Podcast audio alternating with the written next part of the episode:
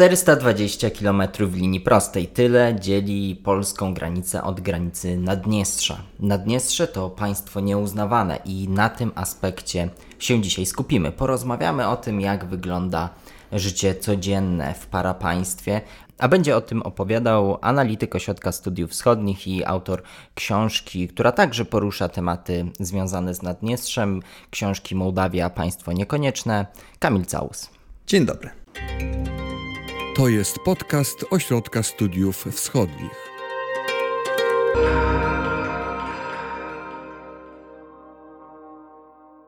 O historii Mołdawii i też w związku z tym e, Naddniestrza mówiliśmy w jednym z poprzednich podcastów. Jest on w opisie dla tych z Państwa, którzy są zainteresowani historią.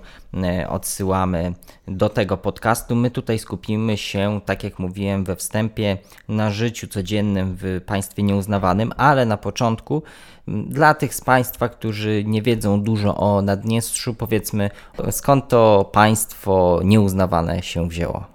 Naddniestrze to para państwo, państwo nieuznane, quasi państwo, bo różnych terminów się w stosunku do takich bytów używa, które liczy sobie e, no, w tej chwili 30 lat tak naprawdę. 2 września, e, właściwie dokładnie 2 września będzie obchodziło 30-lecie swojego istnienia, bo w 1990 roku z punktu widzenia Nadjestrzańskiego zostało powołane do życia.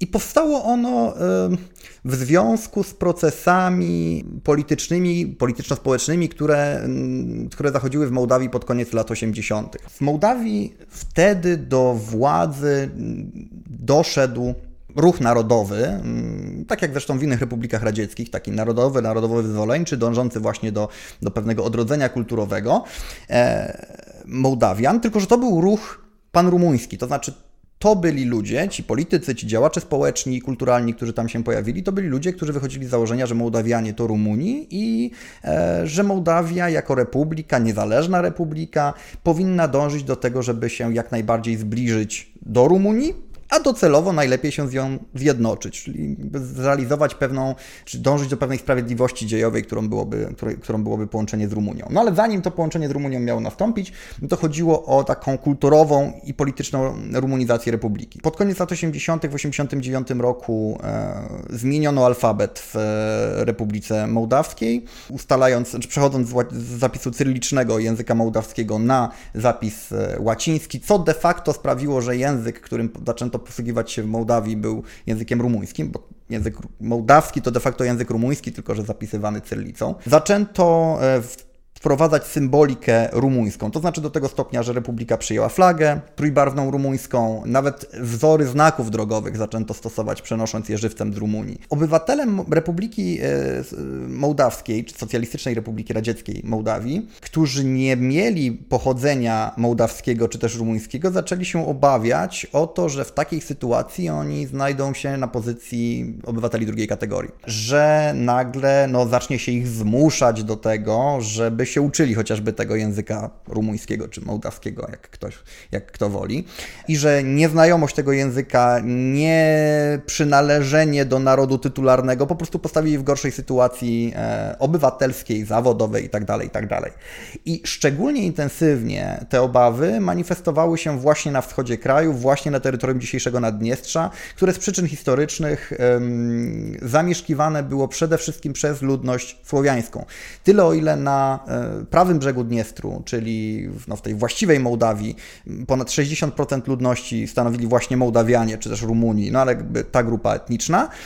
O tyle w Naddniestrzu było dokładnie odwrotnie, to znaczy 60, ponad 60% stanowiła ludność słowiańska, głównie Ukraińcy, i Rosjanie. To była zresztą w dużej części tak zwana inteligencja techniczna. To byli e, Ukraińcy i Rosjanie, których ściągano do Naddniestrza w procesie industrializacji tego regionu, bo tam w czasach sowieckich powstawały ciężkie zakłady przemysłowe, huty, cementownie, elektrownie itd., tak itd. Tak w związku z tym właśnie tam sprowadzano menadżerów, sprowadzono inżynierów, sprowadzono, sprowadzano z głębi Związku Radzieckiego, najczęściej pochodzenia słowiańskiego, ludność, która zwyczajnie bała się o to, że w nowej rzeczywistości politycznej, tej, gdzie to Mołdawianie czy też Rumuni tak, przejmą rządy w kraju, no to oni zaczną tracić. I to było takim podłożem do tego, czy zarzewiem pewnego buntu. Ten bunt, te obawy e, zaczęła podsycać także Moskwa, która nie tylko w Mołdawii oczywiście, jak wiemy, była zainteresowana destabilizacją tych młodych republik. To wszystko ostatecznie doprowadziło do wybuchu mm, konfliktu. Najpierw takiej wojny podjazdowej, a w końcu pełnowymiarowego konfliktu zbrojnego, do którego doszło w 1992 roku.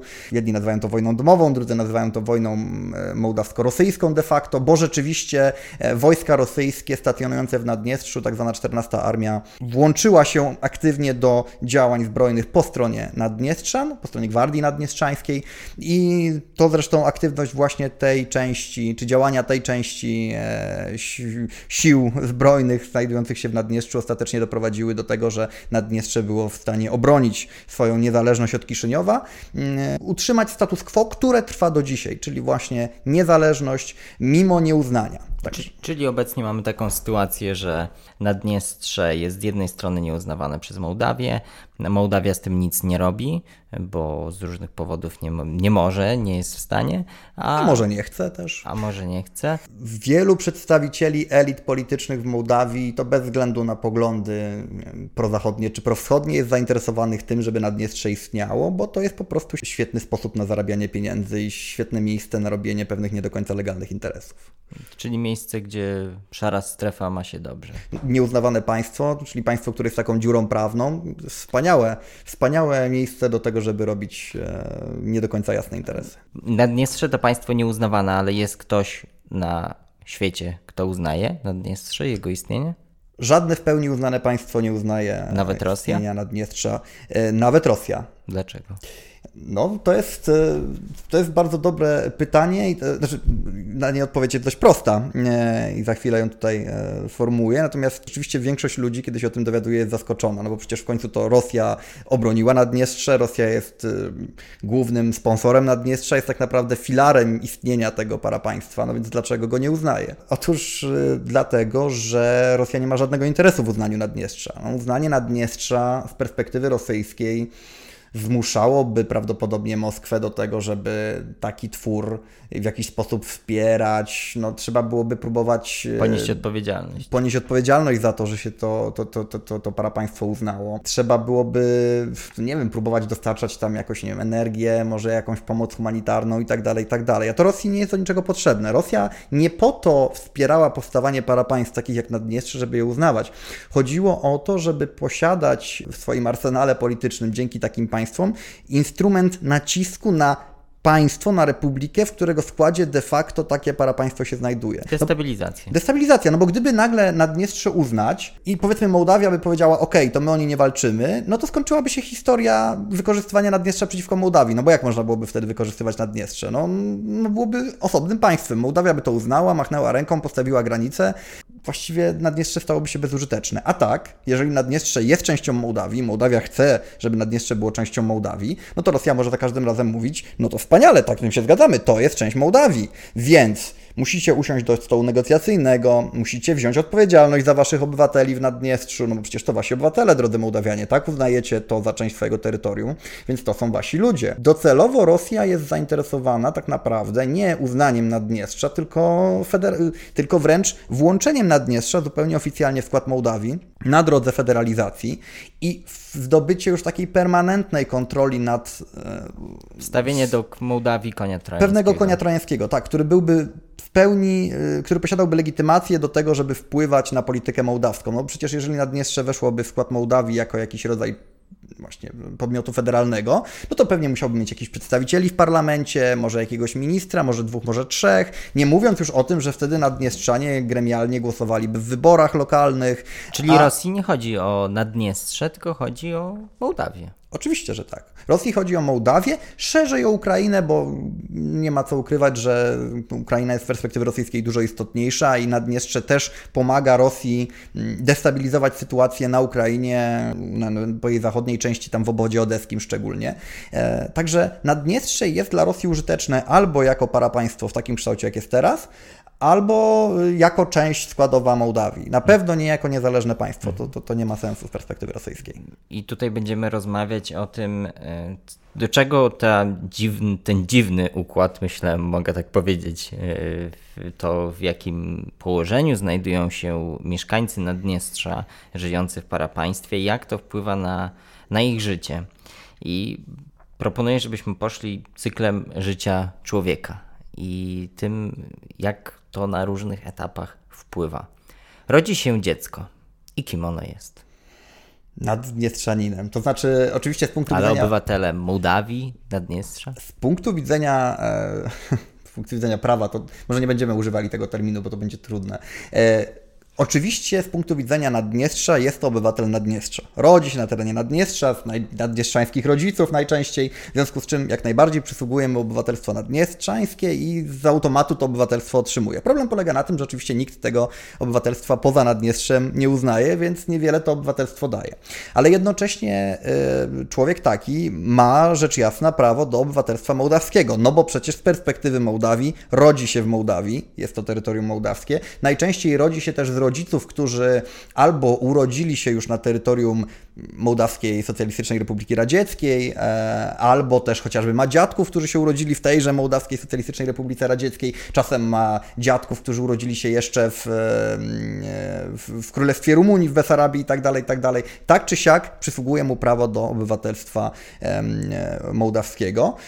Może też otrzymać, jeśli właśnie jego rodzice na przykład mają paszporty ukraińskie, co też nie jest w żaden sposób rzadkie, może też próbować otrzymać obywatelstwo ukraińskie. A, ale jak już dziecko się urodziło, rodzice chcą je zarejestrować.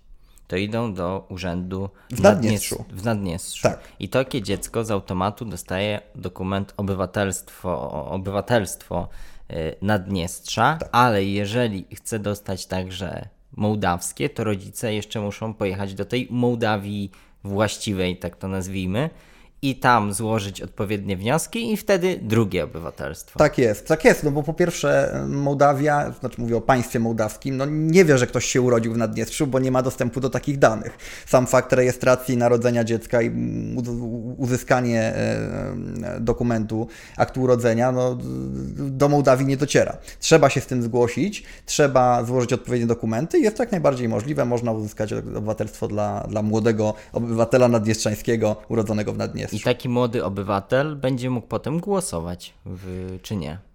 Będzie mógł głosować, oczywiście, że tak. I to się dzieje czasem. Nadjeżdżanie nie są szczególnie zainteresowani mołdawską polityką, w związku z czym to nie jest masowe, ale zdarzało się nie raz, nie dwa, szczególnie podczas ostatnich kilku wyborów, że mm, politycy mołdawscy byli bardzo zainteresowani ściąganiem obywateli Naddniestrza, posiadających też paszporty mołdawskie, mm, do punktów wyborczych rozlokowanych po prawej stronie Dniestru, czyli na terenie kontrolowanym przez władze mołdawskie, po to, żeby ci ludzie mogli głosować. No bo to tak działa. Nie można głosować w wyborach mołdawskich na, na terytorium Naddniestrza, bo nie ma Nikt tam tego mołdawskich... nie zorganizował.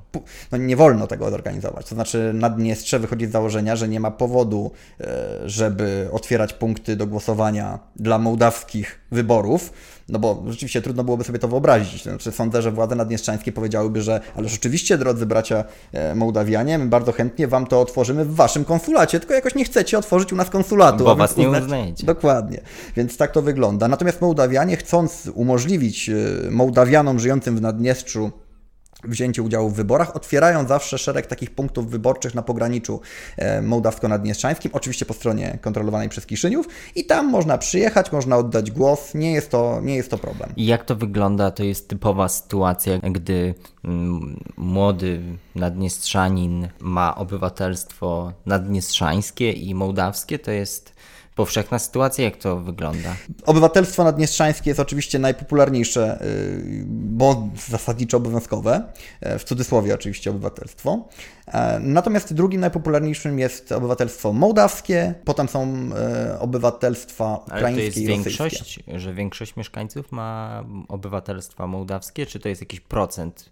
Trudno powiedzieć. E, wydaje mi się, że około połowy mm, w tej chwili posiada obywatelstwo mołdawskie. A ukraińskie to już jest jakiś mniejszy zapewne. Tak, ukraińskie jest mniejsze, e, natomiast rosyjskie jest bodajże drugie. Natomiast e, są też obywatele Naddniestrza, którzy posiadają obywatelstwo rumuńskie.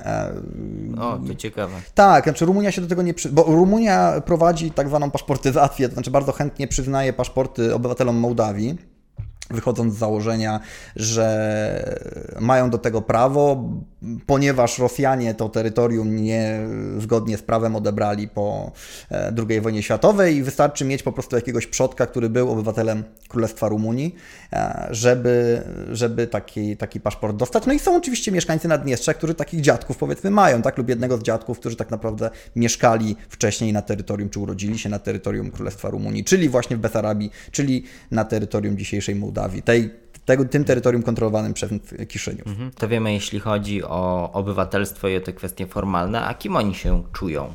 W zdecydowanej większości obywatele Naddniestrza czują się, mieszkańcy Naddniestrza e, czują się częścią tak zwanego, tak zwanego Ruskawa Mira, czyli tego rosyjskiego światu, takiej ogólnorosyjskiej przestrzeni kulturowo-cywilizacyjnej. To jest taki koncept, który jakby zastąpił troszeczkę przestrzeń poradziecką, czy zastępuje troszeczkę przestrzeń poradziecką. To są w gruncie rzeczy terytoria byłego Związku Radzieckiego, czy też nawet byłego Imperium Rosyjskiego, gdzie dominuje język i kultura rosyjska. E, I bycie częścią e, Ruskawa Mira nie wymaga bycia Rosjaninem od człowieka. Znaczy nie wymaga bycia etnicznym Rosjaninem. E, wymaga po prostu, najczęściej mówienia po rosyjsku, tak, poczucia bliskości, przynależności do kultury, literatury, sztuki rosyjskiej. Tak się, tak się czują, znaczy członkami tej, tej cywilizacji rosyjskiej szeroko pojętej na pewno czują się naddniestrzanie w większości, bez względu na to, czy mówimy o naddniestrzańskich Mołdawianach, naddniestrzańskich Ukraińcach, czy też naddniestrzańskich Rosjanach.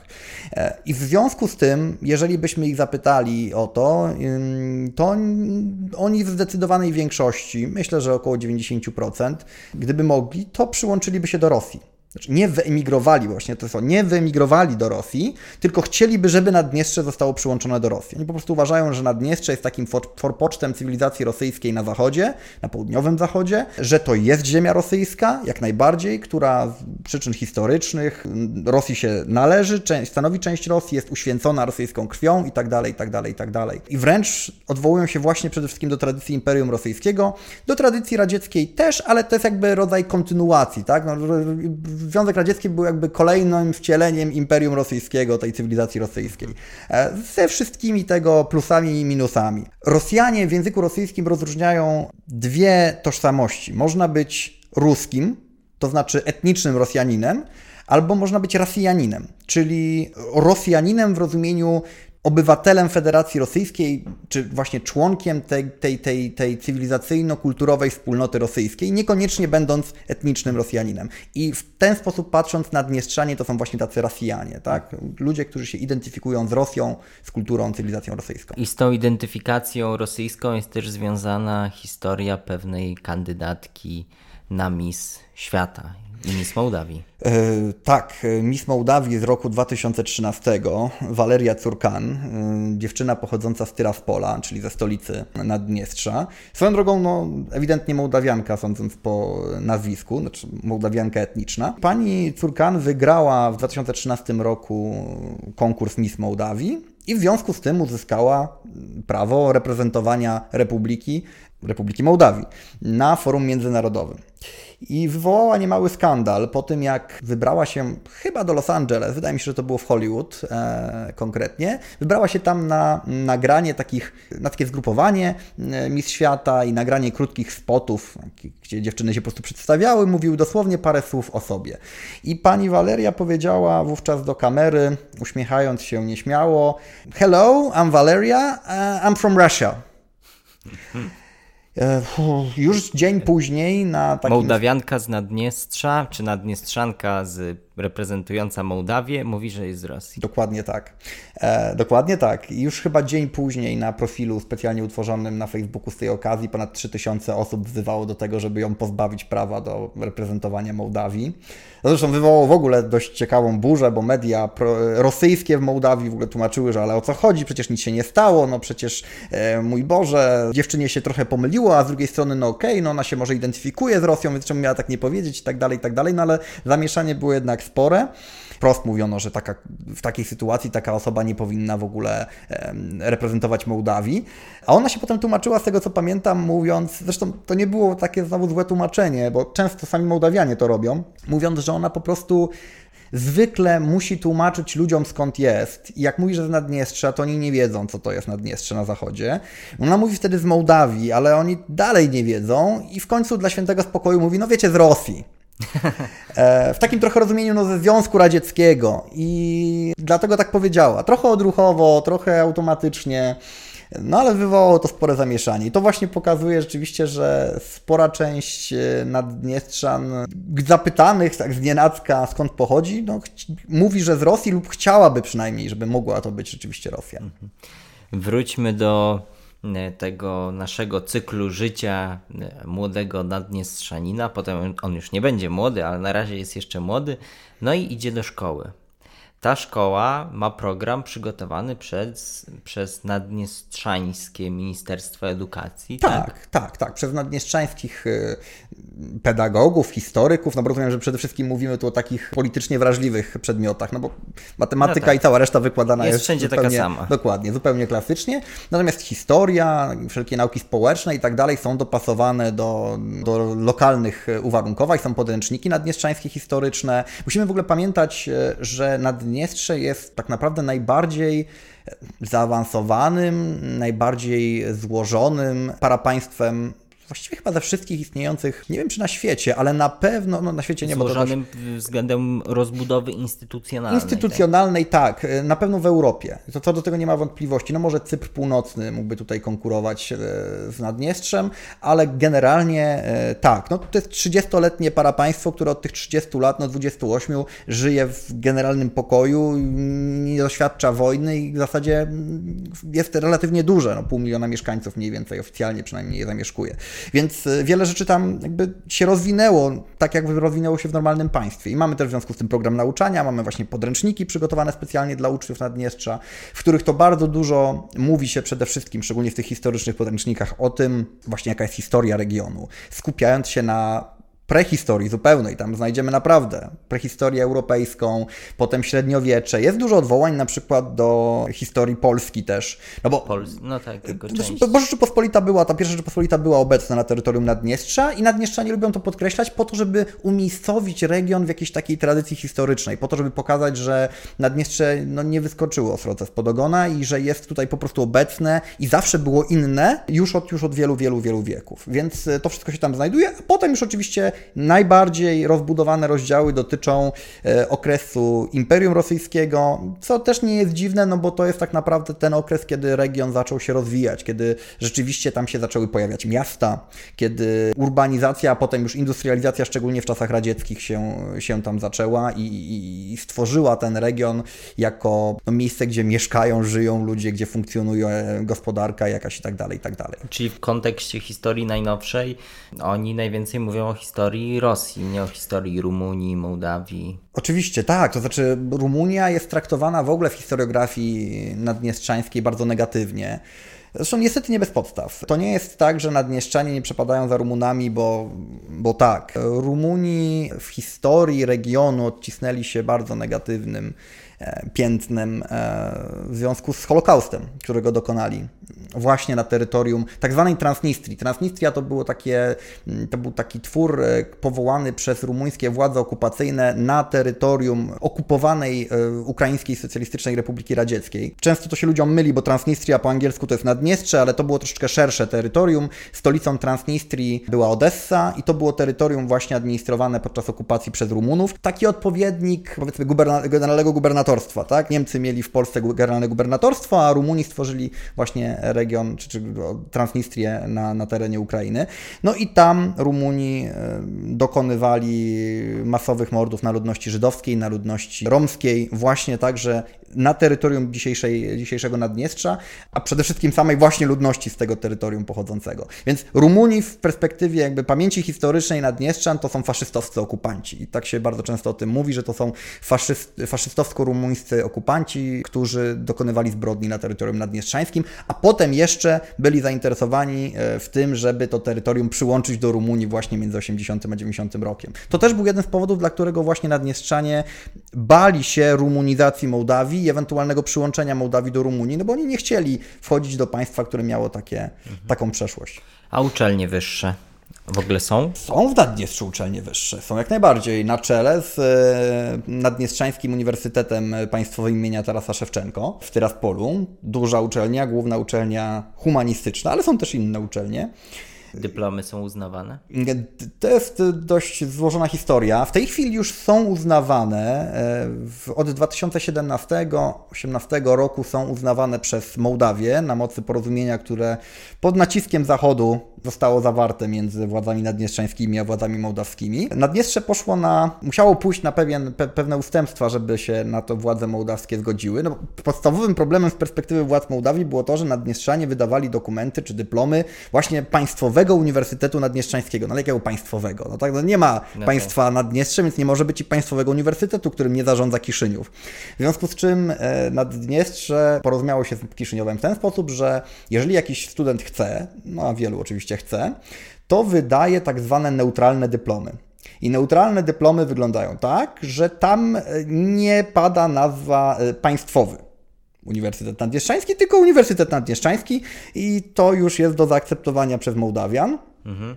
Trochę na takiej zasadzie, jakby traktowali to jako rodzaj prywatnej uczelni. No jest to jakaś uczelnia, e, która działa i która jest akceptowalna przez władze w Kiszyniowie i w związku z tym e, dyplomy naddniestrzańskich uczelni jakby mogą być e, nostryfikowane. Jeżeli tylko student wystąpi o ten neutralny dyplom, to i potem pojedzie z tym do Kiszyniowa, no to nie ma najmniejszego problemu, żeby Kiszyniów taki dyplom automatycznie uznał, bez żadnych dodatkowych egzaminów. A na świecie? To już też wystarczy, bo to jest, to działa w ten sposób, że jeżeli Kiszyniów uznaje ten dyplom, no to to traktowany jest po prostu ten dyplom potem za granicą jak dyplom mołdawskiej uczelni. Jeszcze dużo wcześniej dyplomy naddniestrzańskich uczelni już bez tych wszystkich obostrzeń, neutralnych dyplomów i tak dalej były uznawane przez Rosję. A szkoły? Bo szkoły też z natury pewnie w Naddniestrzu są państwowe.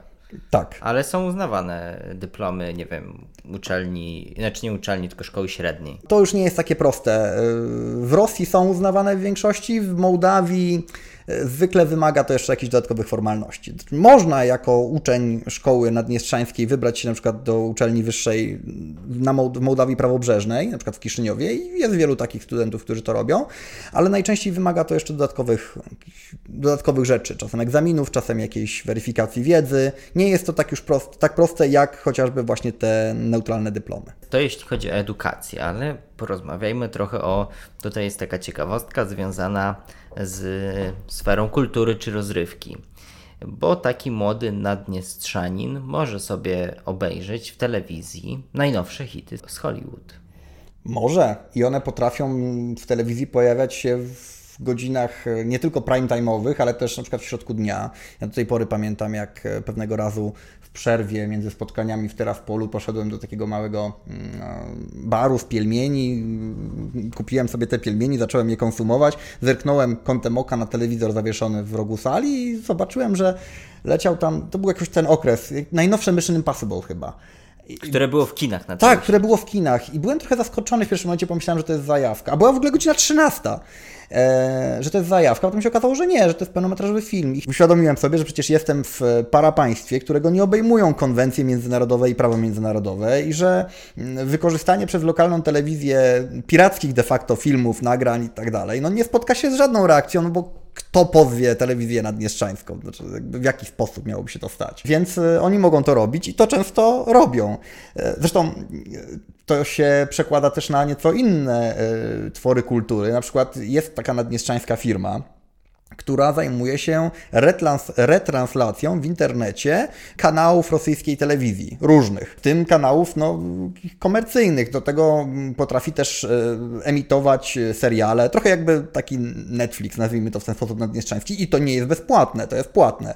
Mm, Można do tego się podłączać z całego świata i generalnie rosyjskie stacje telewizyjne no, są średnio zadowolone z tego, że jest jakaś firma, która rozprowadza za darmo, to znaczy za darmo dla tych firm ich content, ale coś takiego też działa, no bo Bo czemu nie? trudno coś z tym zrobić dokładnie.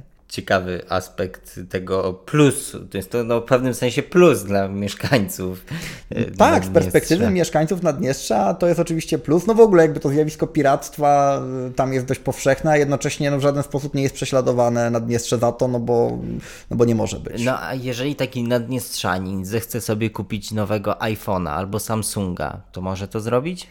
Może to zrobić, tylko Problem leży w czymś innym. E, otóż e, w Naddniestrzu nie działa, telefony e, komórkowe nie działają w systemie GSM.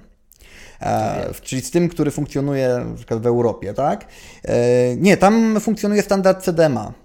E, który jest nieco inny i który wymaga telefonów e, zgodnych z tym standardem, w związku z czym najczęściej jest w ogóle tak, że idzie się do sklepu lokalnego prowajdera internetowego i mobilnego, mm, monopolisty zresztą, tam się kupuje już telefon z odpowiednią kartą i się go używa. To są oczywiście nowe telefony, zupełnie nowe modele i tak dalej. Ale tych ale... takich, no, na przykład, nie Samsunga, nie, no są, są, są, tylko one muszą być po prostu zgodne z, funkcjon- jakby z tym standardem Czyli sieci. Są przerabiane. Przerabiane. Znaczy, to one są produkowane w takim standardzie, bo ten standard funkcjonuje w różnych miejscach na świecie też.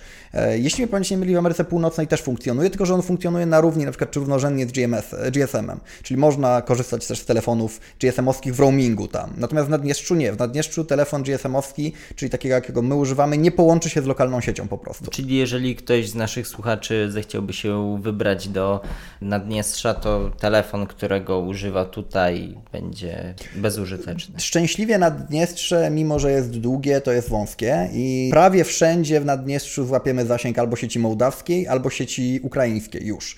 Natomiast oczywiście mogą się zdarzyć takie sytuacje, że będziemy mieli z tym zasięgiem problem, no i wtedy lokalna sieć tam w żaden sposób nie pomoże. Jak już jesteśmy przy kwestiach gospodarczych i plusach minusach e, bycia tym państwem nieuznawanym, o ile w ogóle oczywiście można to rozpatrywać w tych kategoriach. Czy można powiedzieć, że Naddniestrze zyskuje lub traci na tym, że jest państwem nieuznawanym z perspektywy zwykłego Naddniestrzanina i jego portfela? Oj, myślę, że z perspektywy obywatela, tak zwanego obywatela Naddniestrza, to raczej traci niż zyskuje. Czy znaczy, tych korzyści jest tak naprawdę bardzo niewiele. Sam fakt właśnie tego, że trzeba występować o obywatelstwo i dokumenty innego kraju, no to już jest pewne utrudnienie. E, problemem jest też ostatnio, e, czy, czy stało się w pewnym momencie wyjeżdżanie za granicę samochodami posiadającymi rejestrację naddniestrzańskie, bo właśnie Naddniestrze jako porządne parapaństwo posiada też własny system rejestracji samochodowych i te rejestracje bardzo długo były de facto uznawane za granicą. To znaczy e, formalnie ich e, Mołdawia e, czy inne kraje no, nie uznawały, ale przymykały na to oko. I można było z naddniestrzańskimi rejestracjami, w związku z tym z naddniestrzańskim dowodem rejestracyjnym i prawo jazdy, pojechać na Ukrainę, można było spokojnie jeździć po Mołdawii, można było nawet z tego co wiem wjechać do Polski. Trochę, trochę działało to na tej zasadzie, że celnicy w innych krajach po prostu wychodzili z założenia, że skoro Mołdawia akceptuje czy toleruje obecność samochodów na naddniestrzańskich rejestracjach i kierowców z naddniestrzańskimi mm, uprawnieniami e, do jeżdżenia po swoim terytorium, no to możemy traktować jako kraj europejski, tak w sensie jako Polacy na przykład, naddniestrzańskie rejestracje jako rodzaj rejestracji regionalnej. Trochę tak jak na przykład w Stanach Zjednoczonych, tak? Każdy stan ma swoje rejestracje, ale a, no my generalnie uznajemy jakby rejestrację Stanów Zjednoczonych, tak? Także tak to, tak to traktowano. Natomiast sytuacja się zmieniła po wybuchu wojny rosyjsko-ukraińskiej. Generalnie wtedy doszło do poważnego zaostrzenia relacji między Ukrainą a Naddniestrzem. I Ukraina w pewnym momencie stwierdziła, że jednak e, będzie próbowała ograniczać tę cyrkulację swobodną obywateli Naddniestrza po terytorium ukraińskim. Między innymi w ogóle przez pewien czas Ukraina nie wpuszczała na swoje terytorium mieszkańców Naddniestrza e, w wieku między 15 a chyba 60 lub 65 rokiem życia, nie pamiętam dokładnie, obawiając się, że to mogą być po prostu zakamuflowani e, żołnierze czy przedstawiciele sił specjalnych itd., tak itd. Tak Dla bezpieczeństwa ich po prostu w ogóle nie wpuszczano wpuszczano. Co no, utrudniało życie Naddniestrzanom, tak? E, chociażby dlatego, że nie mogli pojechać na Ukrainę na zakupy, co jest bardzo popularne do Odessy na przykład, tak? Największe miasto w regionie. E, że nie mogli pojechać na wakacje znowu pod Odessę, bo to jest też najpopularniejsze miejsce nad Morzem Czarnym. Że już wreszcie nie mogli pojechać do pracy gdzieś za granicę i tak dalej, i tak dalej, i tak dalej. I ostatecznie problem ten rozwiązano bodajże w 2018 roku, wprowadzając znów ten termin padnie, neutralne, wcześniej dyplomy, teraz neutralne rejestracje, które naddniestrzańscy kierowcy mogą uzyskać. To są takie białe blachy z czarnymi cyframi, nie ma tam żadnych oznaczeń narodowych, nie ma żadnej informacji co do tego, czy to jest jakiś kraj, czy nie jest kraj, bo na normalnej rejestracji naddniestrzańskiej jest napisane PMR, czyli Naddniestrzańska Republika Mołdawska po rosyjsku jest flaga naddniestrzańska, tutaj tego nie ma. I tacy kierowcy mogą takie, takie, takie rejestracje uzyskać i dzięki tym rejestracjom mogą pojechać i na Ukrainę, i poza Mołdawię, bo Mołdawia i tak akceptuje rejestracje naddniestrzańskie na swoim terytorium i to generalnie im pozwala w jakiś sposób rozwiązać problem mm, komunikacji. Chociaż okazało się, że osobnym problemem jest kwestia prawo jazdy bo tyle o ile rejestrację zmienić można, no to prawo jazdy naddniestrzańskie dalej jest uznawane za granicą za niedokument de facto. W związku z czym samochód może zostać przepuszczony na granicę, ale już kierowca niekoniecznie. W związku z czym obywatel Naddniestrza musi, chcąc pojechać za granicę, wyrobić sobie, czy, czy jakby zmienić, wymienić prawo jazdy naddniestrzańskie na mołdawskie, co jest robione automatycznie, no ale wymaga udania się do Kiszyniowa, załatwienia tego na miejscu i tak dalej, i tak dalej, i tak dalej. I to są tylko takie pierwsze rzeczy z brzegu, które można wymienić, które pokazują, jak bardzo skomplikowane jest życie w nieuznanym państwie. A jak ktoś zajmuje się biznesem, założył firmę w Naddniestrzu, to jak, co na to Mołdawia, w sensie jeżeli, czy to jest powiedzmy taki przedsiębiorca, jeżeli chciałby też coś działać w Mołdawii, może pojechać do Mołdawii, tam zarejestrować się jako y, przedsiębiorca, czy zarejestrować tą firmę, jak to wygląda? Jeżeli chce działać tylko na rynku naddniestrzańskim, to nie musi robić nic. Natomiast jeżeli chce mieć cokolwiek wspólnego z e, rynkiem mołdawskim czy ogólnomołdawskim, lub też już szczególnie chce, nie wiem, importować lub eksportować cokolwiek z zagranicy, no to musi y, załatwić sobie rejestrację w Kiszyniowie, co jest oczywiście do zrobienia. Czyli no, musi po prostu zarejestrować firmę w Mołdawii. Tak, i ludzie to robią. Przy czym firmy te najczęściej nie płacą podatków w Mołdawii, tylko płacą podatki w Naddniestrzu. Jest trochę przemykanie przymykania oko na to. Bardziej Kiszyniowowi chodzi o to, żeby mieć w ogóle kontrolę nad tymi podmiotami e, gospodarczymi i nad eksportem i importem, który te podmioty prowadzą. Mhm. Z tego, co mówisz, to mam wrażenie, że życie w Naddniestrzu i prowadzenie takiej no, działalności nawet nie tyle gospodarczej, ale takiej, takiego zwykłego życia jest po prostu bardziej uciążliwe i wiąże się z pewnymi dodatkowymi aktywnościami, które trzeba podejmować. Ale jak to przekłada się na mm, stan majątkowy ogólnie Naddniestrza? Czy Naddniestrze jest bogatsze, czy biedniejsze od Mołdawii?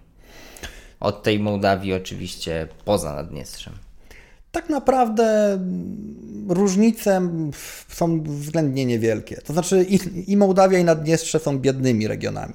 E, niestety. No, Mołdawia jest najbiedniejszym państwem Europy. E, w Naddniestrzu, jak się spojrzy na te ostatnie 30 lat, czasem było trochę lepiej, Czasem było trochę gorzej. Były takie momenty, kiedy na przykład emerytury w Naddniestrzu były wyższe niż w Mołdawii, e, czy w ogóle tak by kwestie socjalne były, były trochę wyższe niż w Mołdawii, co wynikało w dużej mierze z tego, że naddniestrzański budżet, szczególnie budżet socjalny, jest wspierany przez Rosję dość bezpośrednio. Zresztą w ogóle Naddniestrze jest w, w pewnej komfortowej sytuacji ekonomicznej, chociażby dlatego, że uzyskuje od Rosji darmowy gaz, co samo z siebie jest bardzo poważną pomocą e, dla naddniestrzańskiej gospodarki, bo ten gaz trafia do Naddniestrza, władze naddniestrzańskie go sprzedają przedsiębiorstwom i mieszkańcom regionu po w ogóle zaniżonych cenach i uzyskują, te pieniądze trafiają do nich, znaczy do władz, a nie do Rosjan, co znowu finansuje budżet, a jednocześnie sprawia, że przedsiębiorstwa naddniestrzańskie, które na przykład funkcjonują na tym tańszym gazie, no są bardziej konkurencyjne wobec innych przedsiębiorstw w regionie, tak? Do tego stopnia, że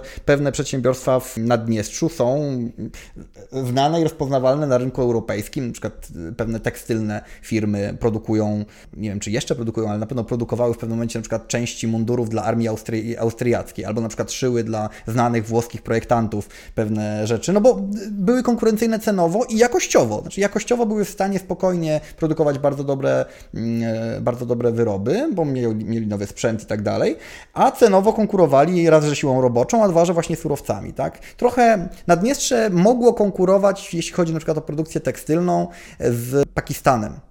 Będąc w Europie, tak, co jest dość nietypowe, no bo Pakistan w dużej mierze właśnie jest w stanie produkować tanio odzież, dlatego że siła robocza jest tania.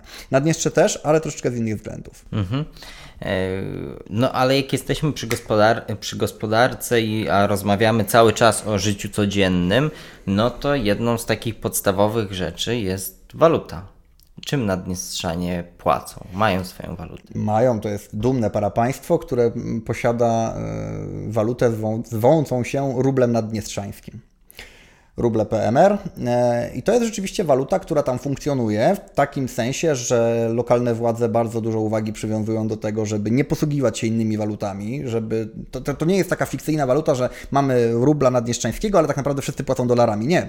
Do tego stopnia, że jeżeli e, ktoś się wybierze na Naddniestrza i spróbuje w jakimś sklepie zapłacić dolarem, e, euro, rublem, no, rublem rosyjskim, ale też rublem rosyjskim, hrywną ukraińską czy lejem mołdawskim, czyli po prostu uznawanymi walutami, to się spotka raczej z dość wyraźną odmową, znaczy dość wyraźnym sygnałem, że trzeba jednak pójść do kantoru i tę gotówkę wymienić na walutę lokalną. Co nie jest problemem, bo kantory są wszędzie w Zadniestrzu. Naprawdę trudno znaleźć ulicę, czy nawet zaułek bez jednego czy dwóch kantorów i wszędzie tam tą gotówkę można wymienić co jest e, wspierane przez władze lokalne, no bo to jest sposób na zbieranie właśnie tej tak zwanych dewiz, czyli tej waluty, która jest potem wykorzystywana chociażby do handlu zagranicznego. A karty płatnicze? W Naddniestrzu. E, tu znów Naddniestrze jest najbardziej rozwiniętym parapaństwem. E, posiada własny system kart płatniczych, Raduga, czyli tęcza, które działają generalnie jak karty kredytowe czy płatnicze wszędzie indziej. Lokalne banki naddniestrzańskie, bo są takie, są normalne firmy, normalne banki z systemem płatności elektronicznych i tak dalej, internetowej płatności, e, z stronami umożliwiającymi płatność internetową. Dostaje się taką kartę i można nią płacić w sklepach, można nią doładowywać telefon, no, to wszystko, co się robi z normalnymi kartami. Przy czym oczywiście te karty znów nie działają nigdzie indziej, znaczy nie można z nimi wyjechać za granicę i płacić. Jeśli chodzi o karty Visa, Mastercard, te funkcjonujące międzynarodowo, to obsługuje je część bankomatów w Naddniestrzu, e, część terminali też je przyjmuje, ale raczej w bankach i to po prostu wtedy używamy ich do tego, żeby wypłacić gotówkę.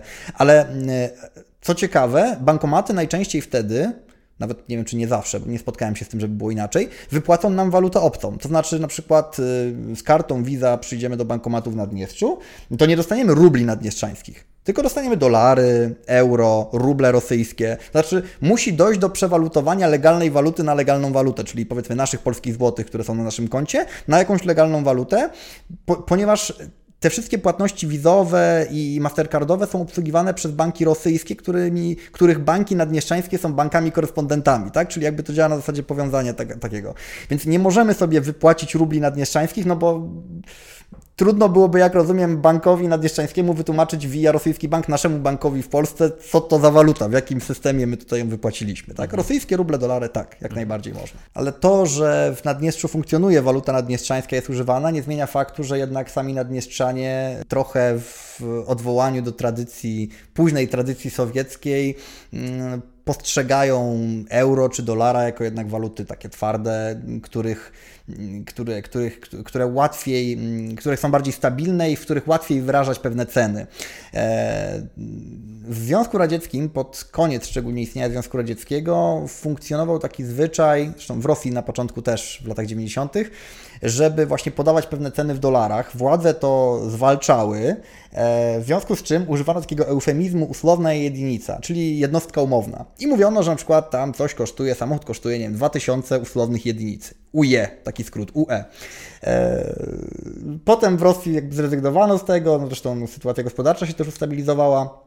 Ale w Naddniestrzu do tej pory można bez problemu, przechodząc szczególnie koło jakiegoś sklepu zajmującego się importem, na przykład sklepu z komputerami albo salonu samochodowego, zobaczyć cenę e, podpisaną właśnie w ten sposób, czyli na przykład e, informację o tym, że tu mamy komputer i on kosztuje tam powiedzmy ten laptop 1000 UE. Nie rubli naddniestrzańskich, nie rubli rosyjskich, nie dolarów, tylko UE i to znaczy po prostu yy, jednostek umownych, czyli dolarów. Domyślę dolarów i tak to należy czytać. Często też na serwisach internetowych, gdzie na przykład ludzie wynajmują mieszkanie, podaje się cenę tego mieszkania, czy wynajmu tego mieszkania właśnie w UE, a nie w, e, nie w lokalnej walucie. No bo może być tak przecież, że nagle lokalna waluta na przykład się zdewaluuje, nagle straci na wartości. E, no i co wtedy? I wtedy przybiegnie klient i będzie chciał kupić po tej starej cenie i trzeba będzie po tej starej cenie sprzedać. To lepiej jednak podać cenę w trwałej walucie, szczególnie jeżeli się za tą trwałą walutę kupowało komputer, samochód czy cokolwiek innego. Ale mówiąc o pieniądzach jeszcze, warto wspomnieć, że e, Naddniestrze w pewnym momencie wykazało się głębokim nowatorstwem, wprowadzając testowo żetony które miały zastąpić banknoty naddniestrzańskie. Jeśli ktoś jest odpowiednio e, dojrzałym człowiekiem, to może pamiętać z lat 90. takie tazo, to sprzedawano w jednych z, w paczkach pewnych, pewnych znanych chipsów i to były takie żetony plastiku, one wydawały taki bardzo charakterystyczny odgłos, jak się je um, zrzucało na siebie, takiego klikania. Tak, wtedy chodziło nawet o to, żeby ich Dokładnie, na tym polegała je... ta gra i tak są robione e, żetony odpowiadające banknotom naddniestrzańskim. One miały być trudniejsze do podrobienia i rzeczywiście są, bo tam jest też zabezpieczenie jakieś ultrafioletowe i tak dalej, to nie są, to nie są e, proste technologicznie rzeczy. Miały ułatwić emerytom i to było bardzo ważne i też bardzo ciekawe miał ułatwić emerytom niedowidzącym rozróżnianie w portfelu waluty, bo każdy z tych żetonów miał inny kształt. Jedne były okrągłe, drugie były tam e, kwadratowe, trzecie były chyba ośmiokątne i tak dalej, i tak dalej, i tak dalej. I po prostu wymacując sobie w swoim e, portfelu e, odpowiedni żeton, można było od razu stwierdzić, aha, to ja płacę takim i takim. Problemem okazało się po pierwsze koszty produkcji, bo one były dość drogie, a po drugie zachłanność turystów i nie tylko turystów, bo wszyscy zaczęli to traktować jako rodzaj suweniru z Naddniestrza i każdy wywoził tego do wolnej ilości. W pewnym momencie po prostu zaczęło tego brakować na rynku. W związku z czym można dalej płacić tymi żetonami. Czasem się zdarzy dostać taki żeton e, u pani w sklepie w ramach reszty, ale nie jest to najprostsze. Jeśli ktoś będzie tego szukał w Naddniestrzu, to polecam udać się na pocztę. Czasem jeszcze można dostać taki. Wracając do tej szeroko pojętej kultury, do rozrywki, porozmawiajmy chwilę o sporcie. Jak to wygląda w Naddniestrzu? Mają jakąś ligę, reprezentację, drużynę, chociażby w piłce nożnej? No, piłka nożna jest sportem e, najpopularniejszym, zdecydowanie najpopularniejszym wśród Naddniestrzan i nie bez powodu, bo Naddniestrzanie mają się czym pochwalić. E, z Naddniestrza pochodzi znany, myślę, wśród polskich kibiców też e, zespół Szeryf Tyraspol który to zespół gra w mołdawskiej lidze. O. Regularnie, tak. I regularnie w tej mołdawskiej lidze wygrywa puchar e, ligi. Jest najlepszym, najlepszym zespołem. Ale jak to się wydarzyło, że zespół z Naddniestrza gra w lidze mołdawskiej? Tak to się złożyło. To jest po prostu najlepszy zespół, zdecydowanie najlepszy, najlepiej finansowany. Zresztą przez jakiś czas w ogóle było tak, że e, nadnie, mołdawskie zespoły, to znaczy te, które są oficjalnymi zespołami grającymi na prawobrzeżu, no nie rozgrywały meczów e, takich dużych ligowych w Kiszyniowie, bo nie było gdzie takich meczów rozgrywać i rozgrywano je właśnie w Tyraspolu, na wielkim stadionie zbudowanym dla szeryfa Tyraspol, Czyli... bo to jest najbardziej taki nowoczesny obiekt. Do tej pory zresztą to jest najbardziej nowoczesny obiekt sportowy w Mołdawii. Czyli piłce nożnej i sportowi nie, nie, nie przeszkadzają te problemy, napięcia? Nie przeszkadzają, nie, nie, nie. To znaczy zdarzało się wcześniej, teraz już trochę mniej, ale zdarzało się wcześniej, że Mołdawianie kibicowali szeryfowi Tyraspol, e, ci prawobrzeżni Mołdawianie w rozgrywkach międzynarodowych. E, zresztą w tymże zespole grają także Mołdawianie, to znaczy Mołdawianie z prawego brzegu posiadający obywatelstwo mołdawskie. Chociaż w tej chwili to jest klasyczny zespół e, ligi takiej, takiej międzynarodowej, czyli co najmniej połowę graczy w nim stanowią zawodnicy zakupieni z innych krajów, co swoją drogą dodaje pewnego takiego międzynarodowego blichtru Tyraspolowi, bo to są ludzie pochodzący z różnych kontynentów, w związku z czym też posiadający różny kolor skóry. E, zresztą dość powiedzieć, że w 2013 roku bodajże e, jednym z zawodników szeryfa Tyraspol był Krzysztof Król, polski obrońca. E, jego wrażenie na ten temat można znaleźć w internecie na jednym z portali udzielał wywiadu kiedyś. Linkujemy na dole. Tak, on tłumaczył, jak to wygląda i opowiadał bodajże ciekawą historię na temat tego, jak mu płacono. To bardzo polecam, właśnie ze względu na to, że nie mógł dostawać przelewów gotówkowych, e, w sensie przelewów elektronicznych, to dostawał wypłaty w gotówce. No ale to, to wszystko jest do sprawdzenia. Tak, to zostawimy w opisie, żeby mogli sobie Państwo sprawdzić. Mówiłeś o drużynie Sheriff Tyraspol. Ta nazwa nie jest przypadkowa, bo wzięła się od firmy, której pominąć nie możemy, mówiąc o Naddniestrzu. No nie możemy. Nie ma Naddniestrza, naddniestrzańskiej gospodarki, a także naddniestrzańskiej polityki, tak naprawdę bez szeryfa. Szeryf to jest największa spółka, firma, korporacja, holding, trudno właściwie znaleźć jedno dobre określenie na nią. E, firma działająca od lat 90. i od lat 90. budująca swoją pozycję w Naddniestrzu dzięki kontaktom między jej założycielami, panem Guszanem i panem Kazmały, takimi lokalnymi oligarchami, e, między kontaktami tych ludzi z lokalną elitą polityczną, która to stopniowo z roku na rok dawała szeryfowi kolejne ulgi, pomagała uzyskiwać kolejne ułatwienia w prowadzeniu biznesu, monopole itd., tak itd. Tak I w tym momencie szeryf jest, jak już wspomniałem, największą firmą, zatrudnia co dziesiątego Naddnieszczanina. Co dziesiątego? Co dziesiątego Naddnieszczanina. Więcej ludzi w Naddniestrzu pracuje tylko i wyłącznie w budżetówce. Przy czym mówimy o szeroko pojętej budżetówce, tak? Mówimy o e, administracji, żołnierzach, lekarzach itd., tak itd. Przy czym jakby tak policzyć, jakby wziąć pod uwagę wszystkie osoby zatrudnione też w przemysłach powiązanych, czy w branżach powiązanych z szeryfem. Nie wiem, czy by tego nie, nie przebił szeryf. Zresztą szeryf jest też największym płatnikiem podatków do budżetu, no to nie może dziwić w związku z tym. Tak naprawdę ta spółka, ten holding kontroluje wszystkie dochodowe branże w gospodarce naddniestrzańskiej. Eee, Od prze... sklepów począwszy. Od sklepów począwszy, sieć supermarketów i hipermarketów szeryf to jest jakby generalnie handel detaliczny, to jest coś, co szeryfowi też pozwala mm, zys ogromne zyski generować, szczególnie, że szeryf ma też e, monopol tak naprawdę na mm, wywóz dewiz za granicę i robienie takich hurtowych zakupów, czyli tylko szeryf może na przykład hurtowo zakupować towary na Ukrainie, potem je sprowadzać do Naddniestrza i sprzedawać.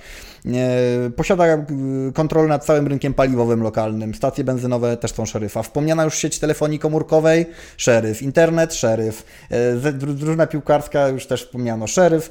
Najpopularniejsza marka alkoholi i pewien symbol narodowy zresztą Naddniestrza, czyli fabryka Kwint produkująca znane koniaki naddniestrzańskie, to także spółka naddniestrzańska Tirotex, czyli spółka produkująca odzież, o której zresztą wspominałem wcześniej, bo to, to miałem na myśli właśnie mówiąc o konkurencji z Pakistanem, także należy do, do, do szeryfa i tak dalej, i tak dalej, i tak dalej. Tak naprawdę można by wymieniać i wymieniać. Do tego wszystkiego szeryf e, od 2016 e, roku generalnie zmonopolizował nie tylko gospodarkę, ale także życie polityczne.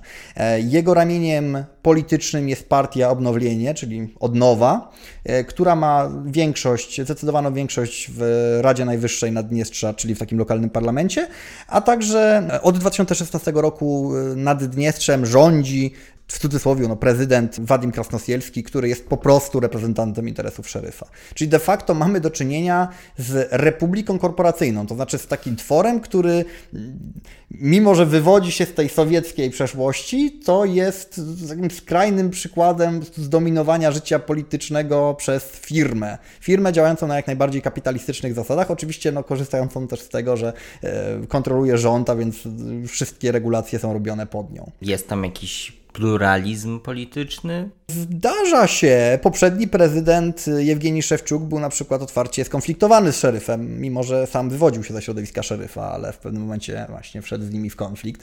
E, są różne ruchy i organizacje, które mm, kontestują, tak to nazwijmy, rzeczywistość polityczną i polityczno-gospodarczą, ale nie mają oni realnych wpływów tak naprawdę. Jest to zdominowane przez szeryfa. E, szeryf jest efektywny pod względem gospodarczym i efektywny pod względem rządzenia, e, a do tego wszystkiego w Naddniestrzu brakuje tak naprawdę młodych ludzi, którzy mogliby być e, zainteresowani, e, czy też mogliby stanowić jakąś taką siłę do tego, żeby wprowadzać jakiekolwiek realne zmiany w życiu politycznym tam na miejscu.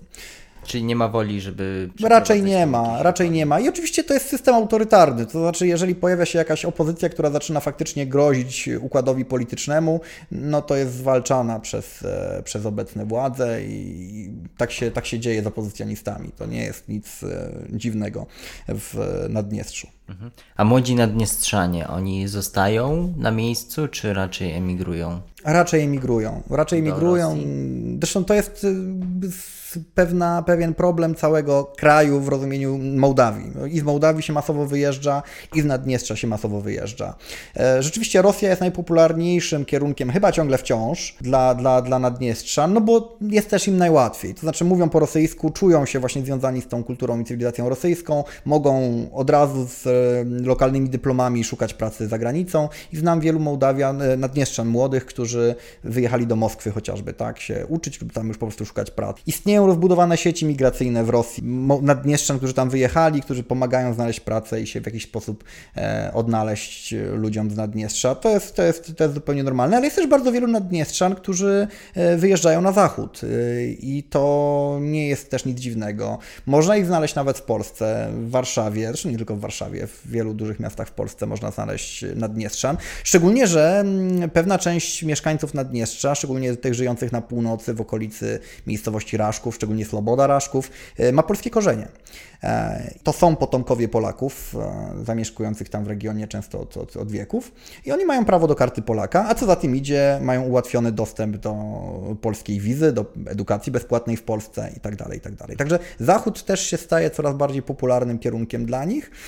Jeżeli nie są, e, nie mają oni tej karty Polaka, o której wspominałem wcześniej, no to mogą mieć paszport mołdawski, który daje im prawo do poruszania się po Schengen bez wiz i Naddniestrzanie chętnie z tego korzystają. Jak już jesteśmy przy tych czynnościach urzędowych, ale też przy zwykłym życiu, w jakim języku mówią Naddniestrzanie? Jaki jest tam język oficjalny? Naddniestrze e, e, kontynuuje, czy próbuje oczywiście na poziomie symbolicznym kontynuować najlepsze tradycje e, Związku Radzieckiego. Zresztą drugi, jeśli mi pamięci mieli, drugi wers hymnu naddniestrzańskiego mówi, że w tym kraju przyjaźń między narodami jest najmocniejsza, jest mocna. I w związku z tym w Naddniestrzu funkcjonują na poziomie oficjalnym trzy języki. Język rosyjski, język ukraiński i język mołdawski. Przy czym język mołdawski rozumiany tak, jak rozumiała to Mołdawska Republika Radziecka, czyli to jest język rumuński zapisywany alfabetem cyrylicznym. Koniecznie, dlatego że próba zapisywania języka mołdawskiego alfabetem łacińskim jest w Mołdawii, w Naddniestrzu uznawana za przestępstwo. To jest zabronione. Przestępstwo. Przestępstwo. Jest uznawana za przestępstwo, przy czym Dość trudno byłoby to przestępstwo popełnić. Dlaczego? Dlatego, że jeżeli zapisujemy język mołdawski za pomocą alfabetu łacińskiego, to de facto to jest język rumuński. To znaczy, to, to jest nieodróżnialne. No, oprócz drobnych tam powiedzmy różnic w niektórych słowach. Więc jeżeli tak zrobimy, no to ktoś pomyśli, że aha, no to piszesz po rumuńsku.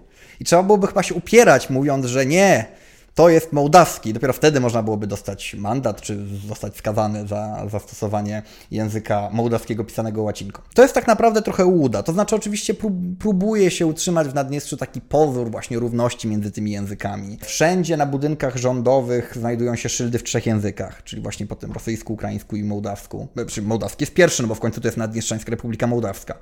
Dokumenty są często wystawiane w tych trzech językach, ale raczej na poziomie, nie wiem, tytułu dokumentu powiedzmy, tak? Na co dzień wszyscy w tym, w, tej, w tym regionie mówią po rosyjsku. Rosyjski jest zdecydowanie językiem dominującym, to po rosyjsku się prowadzi zajęcia, to po rosyjsku jest większość programów telewizyjnych, no po rosyjsku się mówi też na ulicy. O tym, jak, że tak naprawdę rosyjski odgrywa główną rolę, niech świadczy chociażby fakt, że no, wyobraźmy sobie sytuację, że Naddniestrzanin chciałby się ożenić e, z, z Ukrainką, z obywatelką Ukrainy z Ukrainy. No i Chcieliby to zrobić w Tyraspolu. Więc on ją zaprasza, ona przyjeżdża ze swoimi dokumentami z Ukrainy, z ukraińskim aktem urodzenia, innymi tam dokumentami i razem udają się do tego, co pięknie po rosyjsku nazywa się ZAKSem, czyli takim urzędem stanu cywilnego. Pani młoda pokazuje dokumenty ukraińskie, no przecież powinny zostać uznane, bo są po ukraińsku w jednym z języków urzędowych Naddniestrza. Okazuje się, że nie. Trzeba jednak przełożyć na rosyjski i dopiero wtedy można dopełnić wszelkich formalności. Czyli tak naprawdę de facto język rosyjski jest językiem głównym, kluczowym, tym, którego się używa w Naddniestrzu na co dzień. Domyślam się, że Naddniestrze jako szanujące się i dumne para państwo ma także armię. Ma i to nie byle jaką, jeśli porównać ją do armii mołdawskiej, bo właśnie porównywalną. Tak naprawdę Mołdawia posiada około 5000 armię, Naddniestrze posiada armię w podobnym składzie tak naprawdę. Nic, nic szczególnego, to znaczy to jest głównie piechota, mimo wszystko częściowo zmotoryzowana, raczej lekko, kilka czołgów, dosłownie kilka czołgów, e, które w ogóle jeszcze są w stanie jeździć. E, przy czym, jeśli mnie pamięć nie myli, to Naddniestrze ma tych czołgów więcej niż Mołdawia, bo Mołdawia chyba w tym momencie nie ma ani jednego. E, tak naprawdę. Mm, obydwa organizmy administracyjne nie posiadają też lotnictwa tak naprawdę, w związku z czym to są takie siły ograniczone, ale tak, jak najbardziej. Naddniestrze posiada własne siły zbrojne, one regularnie ćwiczą, najczęściej ćwiczą we współpracy z Rosjanami i z rosyjskimi siłami zbrojnymi, które również na miejscu są ulokowane, bo tam mamy siły pokojowe rosyjskie, które stacjonują na terytorium Naddniestrza na mocy porozumienia z Mołdawią i jeszcze taką pozostałość tej 14 Armii, o której na początku wspominaliśmy, czyli grupę operacyjną wojsk rosyjskich, która to pilnuje, e, oficjalnie to jest jej powód, jej powód jej obecności, pilnuje składów amunicji w miejscowości Kolbasna na pograniczu z Ukrainą. Takich ogromnych składów amunicji, które tam zostały jeszcze z czasów zimnej wojny i o których ostatnio sobie przypomniano, raz na jakiś czas się o nich przypomina, ale ostatnio sobie przypomniano w kontekście tego, co się stało w Bejrucie. To znaczy nagle zaczęto się znów przejmować tym, że jest takie miejsce na pograniczu mołdawsko-ukraińskim, właśnie w Naddniestrzu, gdzie zgromadzone jest tyle amunicji, głównie artyleryjskiej, że w razie wybuchu no, byłaby to byłaby to eksplozja porównywalna z, z wybuchem 10-kilotonowej bomby atomowej. No. E, więc e, są takie, są takie mhm. miejsca. Tak już y, kończąc, chciałem zapytać o to, Naddniestrze, z tego co opowiadasz, wydaje się być bardzo ciekawym miejscem e, do zobaczenia, do, do porozmawiania też z tymi ludźmi, którzy są na miejscu. Ale czy my możemy tam bez przeszkód podróżować? Mm, tak, oczywiście poza okresem pandemii. Oczywiście. E, nie ma najmniejszego problemu. Naddniestrze i Mołdawia żyją ze sobą w takich relacjach jakby to ująć, no nie pałają do siebie miłością, rzecz jasna, ale nie ma też e, jakiejś szczególnej wrogości, co odbija się między innymi na tym, czy przekłada się na to, że z Kiszyniowa regularnie co kilkanaście minut odjeżdżają marszrutki, czyli takie busiki yy, za paręnaście złotych dosłownie jadące z Kiszyniowa do Tyraspola. Można spokojnie tam wsiąść, przejechać. Po drodze jest kontrola yy, paszportowa naddniestrzańska, bo Mołdawianie nie uznają granicy, w związku z czym też nie prowadzą żadnej kontroli tam. Ona przebiega dość szybko, dostaje się takie potwierdzenie przyjazdu na kilka godzin do kilku dni, to w zależności od tego, jak chcemy ten nasz pobyt turystyczny tam sobie zorganizować. I wjeżdżamy do Naddniestrza. Tam na miejscu wymieniamy walutę, o czym wspomniałem wcześniej, no bo inaczej sobie raczej nie poradzimy. I możemy zwiedzać, możemy się przemieszczać, e, korzystać z komunikacji lokalnej, rozmawiać z ludźmi. Generalnie Naddniestrzanie są bardzo wygłodniali kontaktów z zewnętrznym światem. To znaczy, to jest efekt e, prowincji z jednej strony, to znaczy region, gdzie generalnie no, nie ma zbyt wielu gości z zagranicy. Raz dlatego, że jest to właśnie para państwo, a dwa, że no po prostu tam generalnie do Mołdawii, do okolicy nikt nie przyjeżdża, więc oni są bardzo szczęśliwi, jeżeli ktoś z zagranicy się tam pojawia. Często chętnie zaczepiają, pytają a po co, a skąd jesteś, a co tutaj robisz i tak dalej, i tak dalej. Najlepiej oczywiście znać przynajmniej troszeczkę rosyjski, bo ten język jest głównym używanym tam na miejscu, jak już wspominaliśmy, ale wśród młodych naddniestrzan można też znaleźć e, takich, którzy będą się posługiwali językiem, językiem angielskim. I generalnie nastawienie wobec gości, w tym wobec gości z Polski, jest raczej pozytywne. Dla kogoś, kto nie zna Naddniestrza, nie zna tej problematyki, jak ktoś słyszy o wyjeździe do parapaństwa, to może się to wydać niebezpieczne, ale chyba tak nie do końca jest. Nie, nie słyszałem o żadnych szczególnie dramatycznych sytuacjach, e, które dotknęłyby polskich obywateli, czy w ogóle obywateli zachodu w Naddniestrzu. Oczywiście zdarzały się, e, zdarzały się sytuacje, w których ci ludzie naruszali prawo, to znaczy najzwyczajniej w świecie no naruszali prawo i w związku z tym nie wiem, zostawali na przykład, byli aresztowani czy coś. No, zdarzały się sytuacje, że ktoś próbował wwieźć jakieś narkotyki do Naddniestrza. No, jakby nie róbmy takich rzeczy, tak? Znaczy nie łammy prawa klasycznego, normalnego, powszechnego dobrze. prawa i raczej powinno być dobrze. Nie próbujmy robić rzeczy, które mogłyby być dla mieszkańców e, Naddniestrza obraźliwe. Mówię tutaj też o jakiś stosunek do pomników lokalnych. Mimo wszystko, no, jesteśmy tam, będąc tam na miejscu, jesteśmy tam gośćmi, więc e, raczej lepiej po prostu zachowywać się jak turysta, pochodzić, pozwiedzać, porozmawiać z ludźmi, jak najbardziej można to zrobić. Latem można się udać do Tyraspola na plażę nad Dniestrem, bardzo przyjemne miejsce, tam są czasem koncerty, imprezy. Na pewno warto się tam wybrać. A jak oni reagują na Polaków? Pamiętam taką, taką scenę z e, kanału Bez Planu i też kanału Ciekawe Historie, który razem zrobili odcinek właśnie o Naddniestrzu, byli tam na miejscu i właśnie bloger podróżniczy z kanału Bez Planu tam miał taką sytuację, że trafili przypadkiem na imprezę do Naddniestrzan, no i tam jeden z Naddniestrzan, no oczywiście wszystko było bardzo sympatyczne i tak dalej, ale no, przekaz był taki nowy, fajnie Polacy, ale szkoda, że Polska z taką pretensją mówił, E, że Polska tak bliżej z Zachodu, że ze Stanami Zjednoczonymi współpracujemy z USA. e, a nie z Rosją. Jak oni podchodzą do Polaków? Czy to jest takie sympatyczne, czy, czy, czy jest tu jakiś żal do nas? To zależy wśród kogo. To znaczy ten żal się za to, że zdradziliśmy wschód, y, oczywiście się pojawia, ale on się głównie pojawia u ludzi starszych. Tych, którzy po prostu pamiętają jeszcze czasy Związku Radzieckiego, pamiętają tą narrację o przyjaźni narodów właśnie w ramach bloku wschodniego. No i z ich perspektywy no, fakt, że Polska odeszła, weszła do NATO szczególnie y, i teraz współpracuje ze Stanami Zjednoczonymi, no to jest, to jest jednak trochę niewybaczalne. Ale to jest raczej rodzaj takiego szkoda, żeście to zrobili, to się nie przekłada w żaden sposób na jakieś negatywne negatywne, nikt nam da to krzywdy, krzywdy nie zrobi raczej. I tak jak mówię, raczej dotyczy to osób starszych. Młodsi, no tak jak młodsi wszędzie, są raczej zainteresowani współczesnością, życiem na zachodzie.